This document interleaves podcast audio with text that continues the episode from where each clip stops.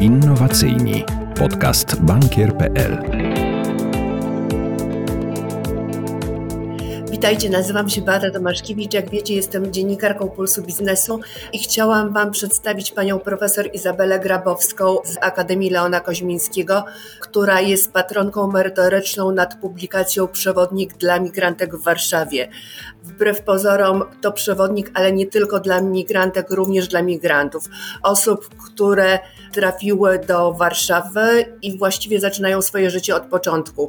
Poszukują dachu nad głową, pracy, szkoły dla dzieci, muszą się przemieszczać komunikacją miejską, poznać miasto, poznać obyczaje, poznać warunki prawne.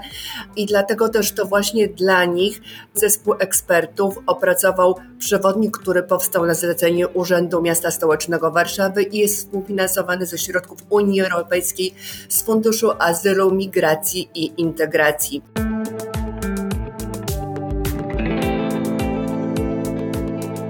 Pani profesor, ten przewodnik jest bardzo bogaty i pracowała nad nim rzesza ekspertów z różnych dziedzin. Kto nad nim pracował i czy również migrantki, czy też migranci byli zaangażowani w tę pracę? Tak, rzeczywiście duża grupa osób pracowała nad tym przewodnikiem. Instytucją realizującą y, przewodnik była firma EGO Ewaluacja Usług Publicznych, która nas wprowadziła w takie specyficzne ujęcie projektowania usług w sposób bardzo dynamiczny. Przewodnik powstał w trzy miesiące i angażował wszystkich interesariuszy, to znaczy Urząd Miasta, instytucje pozarządowe pomagające migrantkom, imigrantom, naukowców i same migrantki, które doświadczyły przyjazdu do Warszawy, pamiętają ten proces i w Warszawie mieszkają.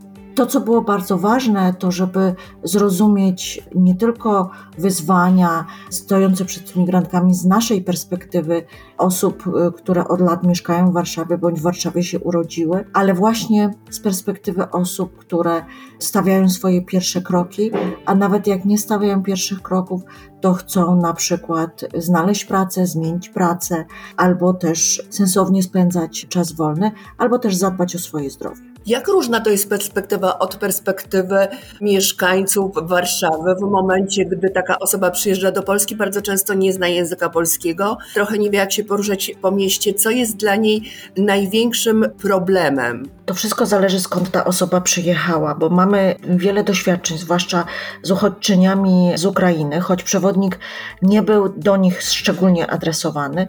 Była zwrócona szczególna uwaga na osoby, które przyjechały przed eskalacją rosyjskiej wojny w Ukrainie i także był nakierowany na inne grupy migranckie, także te pochodzące z Azji czy z Bliskiego Wschodu. I to zależy, czy ta osoba przyjeżdżała z małego miasta czy ze wsi i naraz znalazła się w europejskiej metropolii, którą Warszawa dzisiaj bezsprzecznie już jest w wszystkich rankingach, jest tak prezentowana i w takich konkursach uczestniczy, czy przyjechała właśnie z dużego miasta, czy z miasta o podobnej wielkości, czy z metropolii w swoim kraju. I to ma tak ogromne znaczenie, czy ta osoba jest w stanie się odnaleźć w mieście, swobodnie skorzystać na przykład z transportu, nie bać się wejść do metra, zapytać, poprosić o pomoc, czy też nie z tym, czym się borykamy w przypadku migracji uchodźczej, tej powiązanej z konfliktami, wojną, to jest to właśnie, że nie ma realokacji powiązanej z wcześniejszymi doświadczeniami i wiele z tych osób czuje się zagubionych, a oczywiście brak języka to potęguje. Warszawa jest międzynarodowa. W wielu miejscach, także usług publicznych, mówi się w języku angielskim, natomiast warto zwrócić na to uwagę, że często te osoby, które przyjechały, nie mówią w języku angielskim albo nie mówią żadnym innym poza swoim językiem. Więc te wyzwania stoją przed Urzędem Miasta i instytucjami, które świadczą usługi publiczne w Warszawie. Pani profesor, w takim razie niech pani nam opowie, co znajdziemy w przewodniku, bo on ma kilka rozdziałów i tak naprawdę próbuje pomóc w rozwiązaniu kilku problemów. Mamy trzy przewodniczki, które są takimi personami stworzonymi z kilku przykładowych historii wywiadów. Właśnie tu jest ta rola naszych migrantek, które prezentowały perspektywę indywidualną. Trzy przewodniczki, które opowiadają nam, jak poruszać się po przewodniku, jak zrobić pierwsze kroki w Warszawie, o co warto zadbać po przyjeździe, jak i gdzie można szukać mieszkania w Warszawie, jak działa warszawski system transportu publicznego, co można zrobić, aby znaleźć godną pracę, gdzie można nauczyć się języka i skorzystać e, z tych bezpłatnych kursów językowych, jak wygląda system edukacji? I na co zwrócić uwagę w odniesieniu zarówno do edukacji dzieci, jak i osób dorosłych, jak można zadbać o zdrowie swoje i swoich dzieci, z jakiej pomocy i z jakich świadczeń można skorzystać i jakie przysługują prawa, co ciekawego można robić w Warszawie w czasie wolnym. Pani profesor, a jakie największe wyzwania stawiała praca nad tym projektem? Największe wyzwania były powiązane szczególnie z obszarami dynamicznymi, a mianowicie z obszarem pracy, z obszarem edukacji, zdrowia, świadczeń i prawa. I zacznę może od pracy, bo to był taki obszar ważny dla interesariuszy, którzy w tym projekcie uczestniczyli, czyli dla Urzędu Miasta, jak sensownie to opisać, jak e, powiązać to z usługami świadczonymi przez Urząd Pracy Miasta Stołecznego Warszawy, które osoby mogą korzystać z usług Urzędu Pracy z tego względu, że migranci wcześniejszych fal nie mogą korzystać w takim samym zakresie jak uchodźczynie wojenne.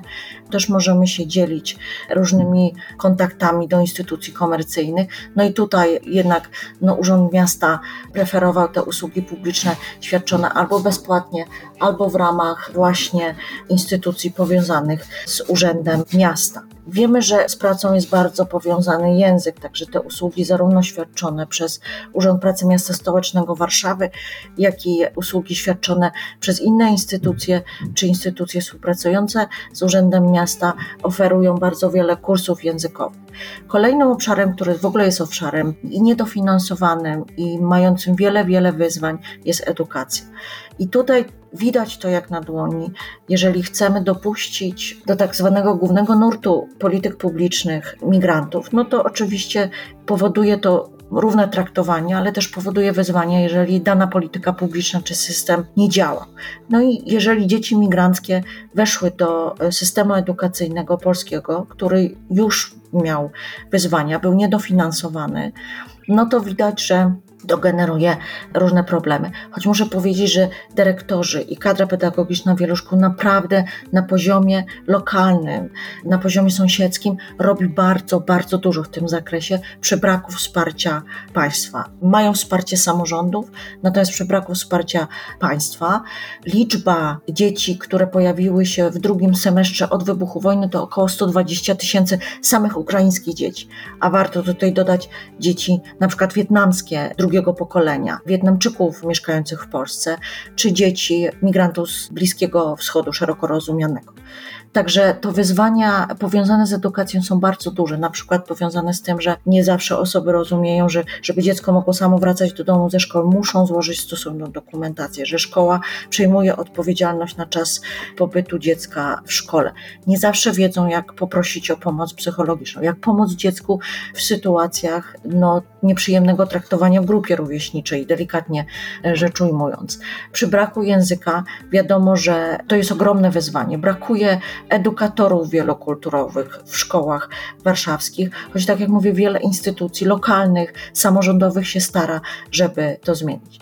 Z jednej strony jest to edukacja dzieci, edukacja własna jest łatwiejsza, choć widzimy, że jeżeli ktoś już zdecyduje się na inwestowanie we własny kapitał ludzki, we własne zasoby, to raczej kieruje się do szkół niepublicznych, do uczelni niepublicznych, czy na studia podyplomowe, czy do szkół policjalnych i To powinniśmy promować. Wiele też uczelni, zarówno publicznych, jak i niepublicznych, oferuje stypendia różnego rodzaju, więc warto tą edukację, żeby kobiety mogły stanąć na własnych nogach, radzić sobie, być aktywnymi zawodowo, promować. Zdrowie jest takim kolejnym obszarem. Często migranci, którzy wyjeżdżają z trudnych rejonów świata, nie myślę tutaj tylko o Ukrainie, przyjeżdżają z wieloma problemami zdrowotnymi. I znowu pewne nierówne traktowanie, gdzie migranci wojenni z Ukrainy na podstawie tymczasowej ochrony mogą korzystać z publicznej służby zdrowia, choć to też jest bardzo trudne, jak wyjaśnić Narodowy Fundusz Zdrowia, jak można z niego korzystać, co to jest lekarz pierwszego kontaktu, lekarz rodzinny. To są wszystkie informacje, którymi my, zdaje się, oddychamy jak powietrzem. Dla tych osób są to informacje nowe, części z tych instytucji, jak lekarza rodzinnego czy lekarza pierwszego kontaktu, w takim zakresie nie było. Wiemy, że są bardzo długie kolejki do specjalistów.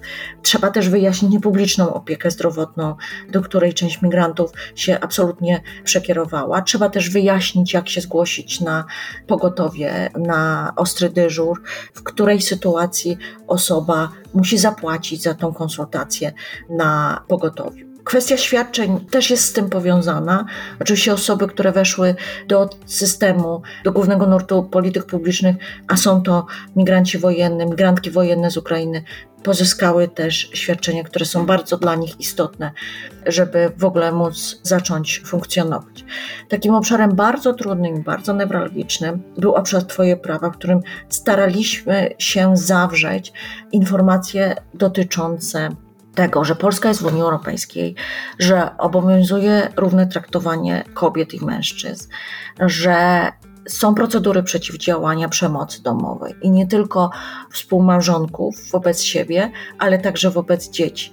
To, co w niektórych krajach jest akceptowane, przysłowiowy klaps, ja nie mówię tutaj o, w Polsce o akceptacji społecznej, ale o sytuacji prawnej, w Polsce nie może się to zdarzyć. Tak? Przemoc wobec dzieci, czy w miejscach publicznych, czy w, w miejscach zamieszkania nie może mieć miejsca. I to są takie bardzo newralgiczne sytuacje. Pracowaliśmy z instytucjami, które pomagają migrantkom, właśnie w sytuacjach przemocy domowej. Pomagają też reagować. Pamiętajmy, że często te osoby przyjechały do swojego partnera, który pracował w Polsce zarobkowo i to on jest tą osobą głównie otrzymującą, co powoduje także przemoc ekonomiczną, nie tylko przemoc fizyczną, przemoc ekonomiczną i psychologiczną. Także to są tematy, o których bardzo trudno się mówi, ale trzeba uświadamiać, że prawa człowieka są uniwersalne, niezależnie od kontekstu kulturowego, z którego się pochodzi, i każdy człowiek zasługuje na godne i równe traktowanie, a to wzmacnia jeszcze sytuacja bycia w Unii Europejskiej, gdzie nie ma zgody na jakąkolwiek przemoc wobec drugiego człowieka. Pani profesor, tak jak pani wspomniała, to jest przewodnik dla migrantek ale nie tylko migrantek z Ukrainy. Dlatego też mam pytanie, w jaki sposób docieracie z informacją o jego istnieniu właśnie do migrantek, do migrantów, którzy przybyli do Warszawy? Nie jest to przewodnik dla migrantek tylko z Ukrainy. Powiedziałam także dla Wietnamek, które żyją w dość dużych, takich bardzo hermetycznych skupiskach, bo migracja z Wietnamu tym się charakteryzuje, ale także dla migrantek bliskowschodnich. Pamiętajmy po puczu w Turcji mieliśmy dość dużą migrację migrację z Turcji do Polski. Ona oczywiście nie jest tak bardzo liczna jak ta z Ukrainy, ale też mająca miejsce. Wydaje się, że ten przewodnik jest adresowany do różnych grup i także bardzo adekwatny dla Polek, na przykład dla Polek migrantek wewnętrznych, które przyjeżdżają z innych miast do Warszawy, a wiem, że ta migracja wewnętrzna w Polsce, zwłaszcza do Warszawy z innych miast jest bardzo duża. Także to dojeżdżanie, tak zwane commuting, więc myślę, że osoby, które przyjechały z innego miasta do Warszawy, a nawet te, które mieszkają już jakiś czas w Warszawie, znalazłyby tutaj wiele, wiele informacji dla siebie, o których po prostu nie wiedziały, albo nie wiedziały, że można je zamieścić w jednym miejscu przyjaźnie przedstawionym czytelniczce. Także przewodnik jest dla różnych osób. Jeżeli chodzi o sposoby dotarcia, to bardzo się cieszę z naszej rozmowy, bo na pewno jest to forma dotarcia z informacją o tym przewodniku. Niestety przewodnik jest statyczny systematyczny w PDF-ie, bo takie miał ograniczenia projekt. Myśmy się zastanawiali, czy nie stworzyć po prostu tak zwanego dashboardu, takiej tablicy z informacjami, które mogłyby być w bardzo prosty sposób odświeżane. No ale jest to już bardziej zaawansowane technologicznie, wymaga większych nakładów. Być może w przyszłości. Na ten moment jest on tak skonstruowany, że nie zawiera na tyle newralgicznych informacji, a jeżeli odnosi się do instytucji, które mogą zmienić te informacje, no to wtedy po prostu te instytucje linkuje. Każda zaangażowana osoba w ten przewodnik uruchomiła swoje instytucjonalne kanały informacyjne. Pamiętajmy, do przewodnika było zaproszonych dużo osób z organizacji pozarządowych działających na rzecz migrantów, migrantek i z migrantkami. Często to były konsultantki, doradczynie zawodowe, osoby, które są takimi węzłami komunikacyjnymi, takimi kluczowymi informatorkami, które przy okazji świadczenia indywidualnych usług konsultacyjnych, informacyjnych mogą wykorzystać ten przewodnik i skierować daną osobę. Także były kampanie na mediach społecznościowych. Staramy się też mówić o tym dzięki Państwu, dzięki tubie medialnej, żeby istnienie tego przewodnika nagłośnić, ale także we własnych sieciach, kiedy rozmawiamy ze sobą albo instytucjonalnych spotkaniach, konferencjach. Na przykład był ważny okrągły stół zorganizowany przez Międzynarodową Organizację do Spraw Migracji, która to zaprosiła różne uczestniczki i o tym przewodniku też i w rozmowach bezpośrednich i pośrednich jakoś rozmawialiśmy. Z chęcią się podzielimy tymi doświadczeniami stworzenia takiego przewodnika, żeby takie informatory przyjazne odbiorczyniom z różnych grup migranckich, ale także migrantkom wewnętrznym stworzyć. Wiem, że Opole się przymierza Mam nadzieję, że Wrocław też bardzo dziękuję, że mogłam opowiedzieć o tym przedsięwzięciu. Pani profesor, to ja Pani pięknie dziękuję za to spotkanie i za te wyjaśnienia. Was bardzo serdecznie zachęcam do tego, żebyście informowali o tym przewodniku. Dlatego też link do przewodnika znajdziecie we wprowadzeniu do naszego podcastu i zachęcam Was, żebyście propagowali ten przewodnik właśnie pomiędzy osobami, które znacie, które przybyły do Warszawy z zagranicy albo przybyły do Warszawy po prostu z małych miast w Polsce. Innowacyjni. Podcast bankier.pl